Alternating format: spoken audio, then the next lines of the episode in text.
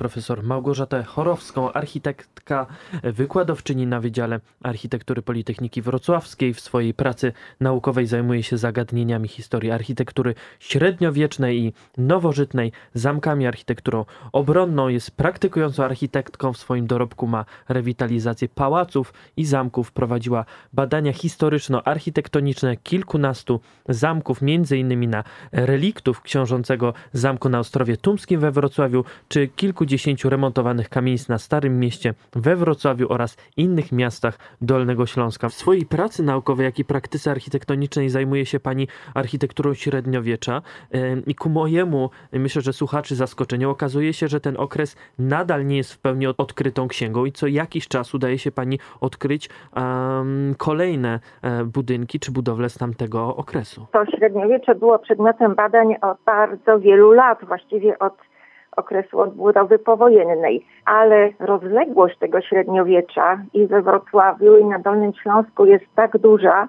że my cały czas jesteśmy zaskakiwani właśnie tym, jak wiele budowli i jak w gruncie rzeczy wówczas nowoczesnych.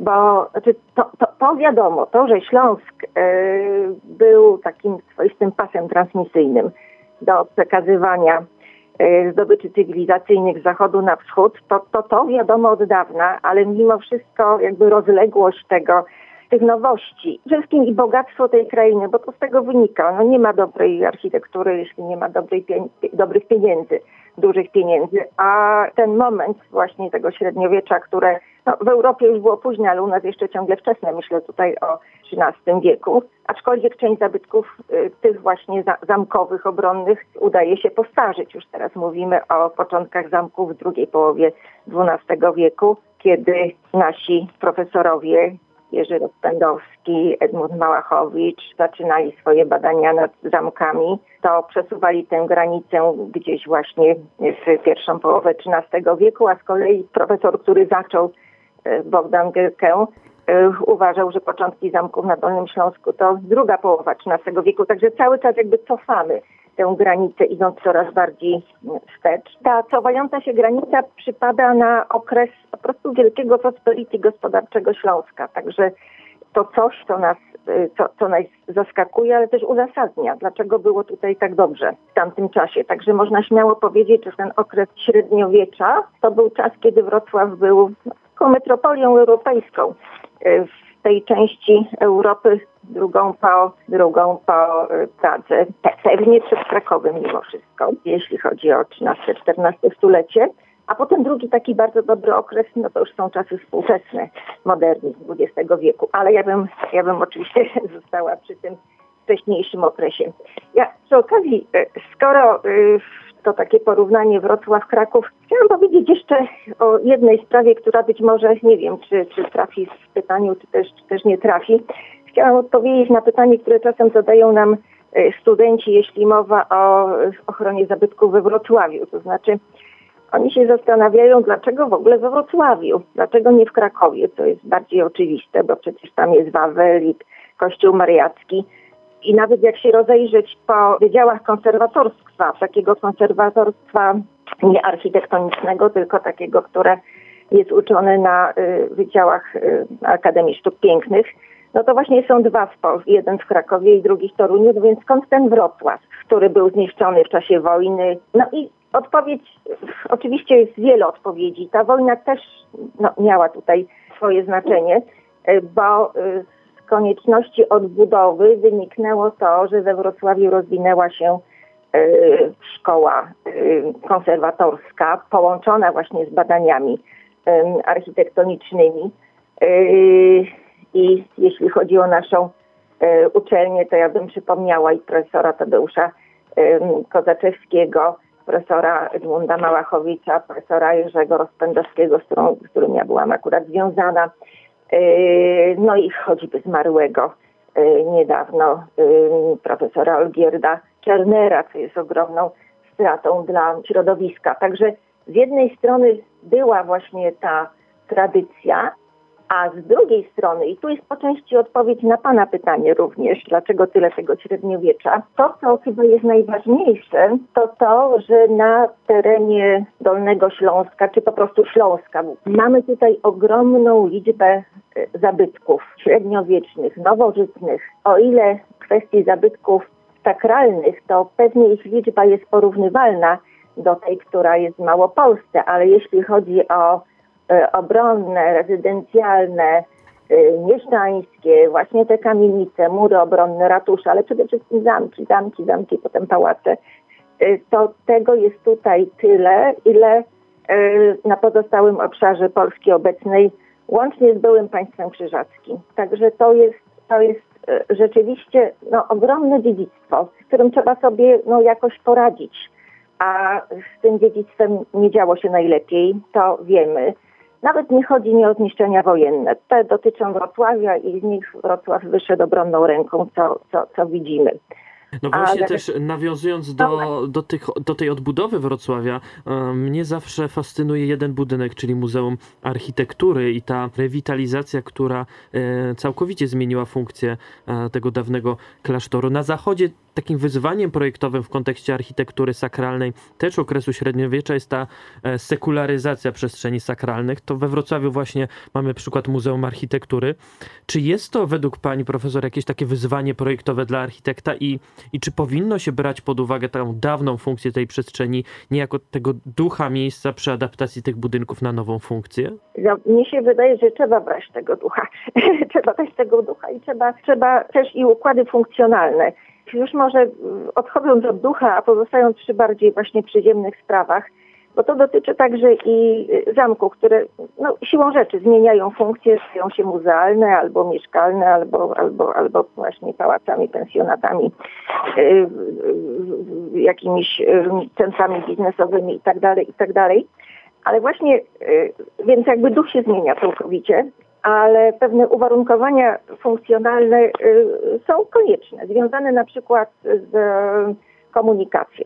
Jeszcze w przypadku takiego klasztoru, który jest na terenie płaskim i który właściwie dobrze wiadomo jak funkcjonował, bo jeśli chodzi o klasztory, to mamy pewną powtarzalną sekwencję pomieszczeń i właściwie wszędzie rozwiązywano to, jeśli chodzi o średniowiecze, rozwiązywano y, identycznie. To w przypadku takich bardziej skomplikowanych obiektów, jak jakieś zamki górskie, Y, które są rozrzucone na skałach i albo narastają ten sposób, że mamy to jądro i ono się obudowuje młodszymi fazami, albo odwrotnie. Początek jest gdzieś tam na górze samej, na szczycie y, takiego stańca skalnego i potem, y, ponieważ tam jest ciasno, więc żeby y, zyskać miejsce, to się po prostu wykuwa, podkuwa się dziedzińce, to co y, ten materiał, który zostanie odkuty, to jest potem wmurowywany i powstają takie układy bardzo skomplikowane, nieregularne, nie ma tam kawałka prostej ściany, wszystko się rozgrywa na poziomach, półpoziomach.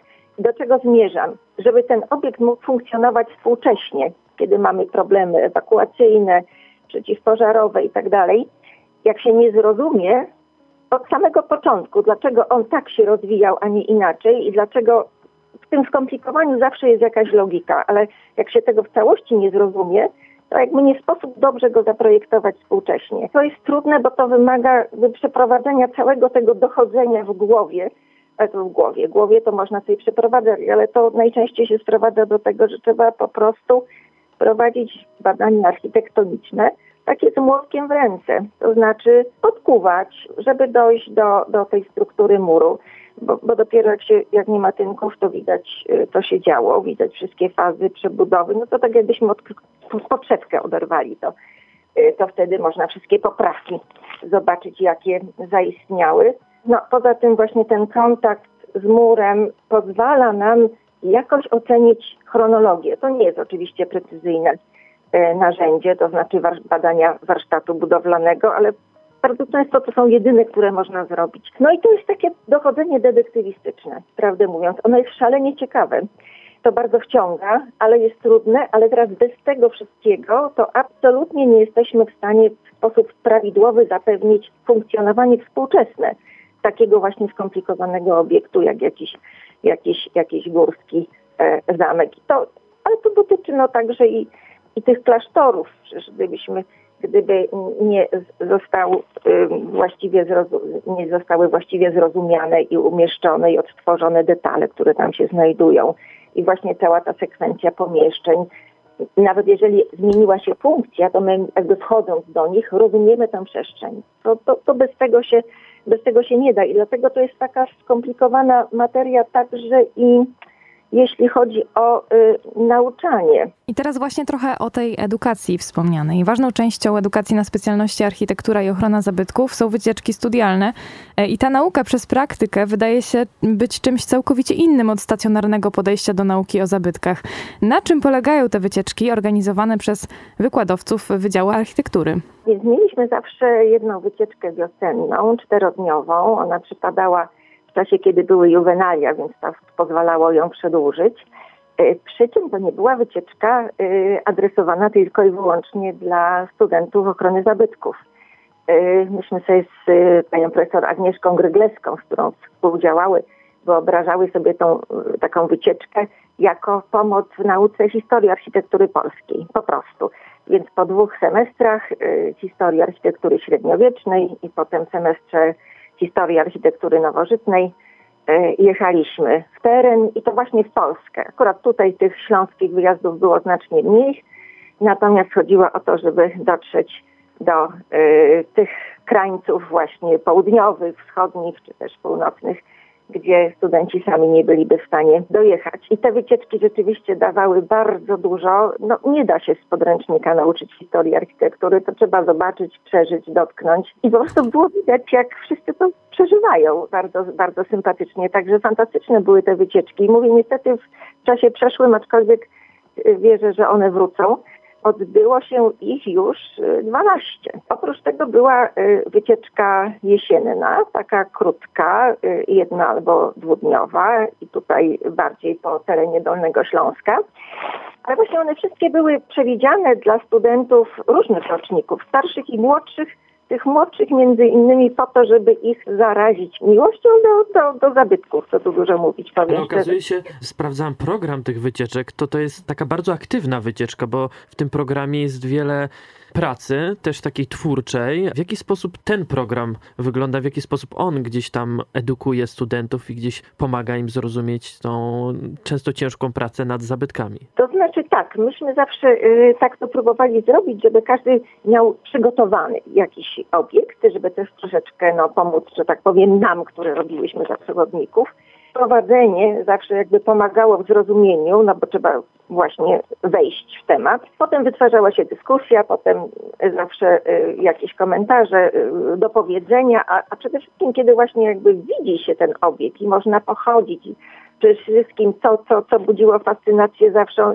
to gdy była możliwość wejścia na strych, na przykład pobuszowania gdzieś tam w tych więźbach y, dachowych zachowanych, no oczywiście z latarkami w odpowiednim odbuwiu to, czy nawet wejście na empory, na które normalnie przecież nie można się dostać, tam widać było, że ten kontakt właśnie z tą, tą żywą materią jest niezwykle e, inspirujący. To był taki haczyk na część Państwa, która jakby w naturalny sposób interesuje się tym, dlaczego tak, a nie inaczej, to właśnie łapie tego bakcyla poznawania. Jeszcze czymś innym były warsztaty i te były adresowane bardziej już pod kątem studentów ochrony zabytków, chociaż nie tylko. Też od już 2013 roku organizowane y, właśnie y, w konkretnym obiekcie cały tydzień. Zaczęło się od y, Wrocławia, od Ostrogatnickiego, od tego właśnie zamku książęcego, od którego, od którego zaczęliśmy. E, no bo to było najłatwiej zorganizować, a poza tym była potrzeba, dlatego że w wyniku działań remontowych e, domu klasztornego sióstr Notre Dame udało się, one się zgodziły na to, żeby zrobić trasę turystyczną w podziemiach i żeby tych reliktów, które zostały odsłonięte i zrobiły na wszystkich wrażenie, wszystkim swoim ogromem. Tu nawet nie chodzi mi o rozległość, ale no na przykład to, że ściana ma grubość 3 metrów i, i, i, widzimy to fizycznie, bo takim korytarzem przekutym przez nią po prostu przechodzi się, oczywiście dużo dawniej przekutym, przechodzi się i teraz no, można objąć, prawda, tą grubość. Ręką się nie da, ale przynajmniej wzrokiem. Yy, więc żeby tego nie zasypywać, żeby to jednak udostępnić ludziom. I studenci się tutaj okazali niezwykle potrzebni, dlatego że dzięki tym warsztatom, a były dwa, zrobiona została cała informacja wizualna na temat y, tego, co, y, co widzimy. Bardzo profesjonalne plansze, makiety, makiety. Te makiety zresztą ileś tam razy poprawiane, bo w miarę no, prowadzenia badań, tego co tam się dzieje, to nasza wiedza się zmieniała i trzeba było makiety aktualizować. Także ten jakby kontakt z Mostrowiem Tumskim jest, jest, jest y, przez cały czas.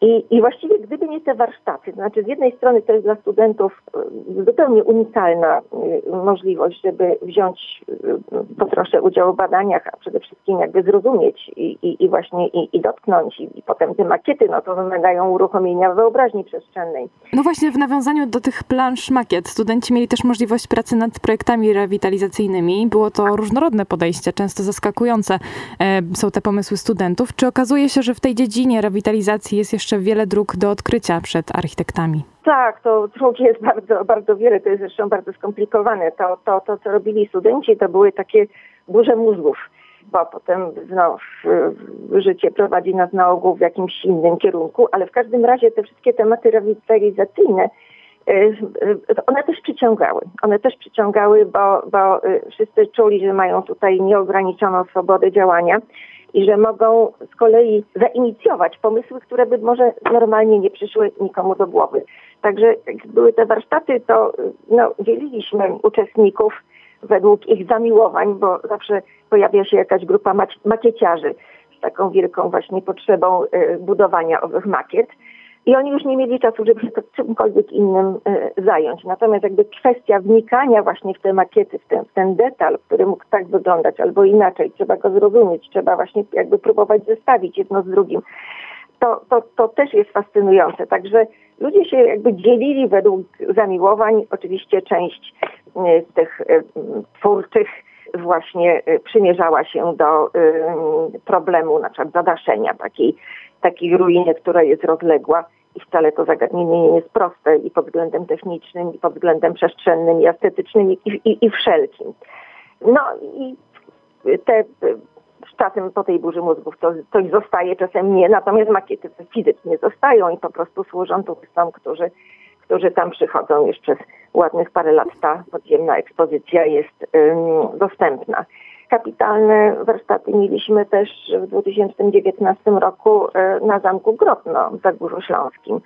To jest e, danego tyle interesujący, że on kryje w sobie całe takie spektrum od partii, która jest w ruinie jeszcze, po partie, które odkopywane są na bieżąco przez archeologów, e, po te, które były odbudowane jeszcze przed wojną i dwa ostatnie piętra, które 10 lat temu zaczęto odbudowywać. Tam w tej chwili jest ekspozycja multimedialna, ale nie związana z zamkiem, tylko raczej bioróżnorodnością e, e, regionu. No właśnie, tak jak e, zobaczyłem jeszcze na stronie Politechniki tych warsztatów i, i, zdjęć e, projektów z warsztatów jest bardzo dużo. Wszystkich spragnionych wiedzy o zabytkach, nie tylko studentów, ale też słuchaczy Radia Luz odsyłam na stronę Wydziału Architektury Politechniki Wrocławskiej. Tam ochrona zabytków, czyli architektura i ochrona zabytków. Tam znajdziecie bardzo dużo informacji. Ja bardzo dziękuję za rozmowę. Naszym gościem była profesor Małgorzata Chorowska, architektka, wykładowczyni na Wydziale Architektury Politechniki wrocławskiej, która w swojej pracy naukowej zajmuje się zagadnieniami historii architektury średniowiecznej i nowożytnej, zamkami, architekturą obronną i rezydencjalną. Bardzo dziękujemy za rozmowę. Dziękuję również.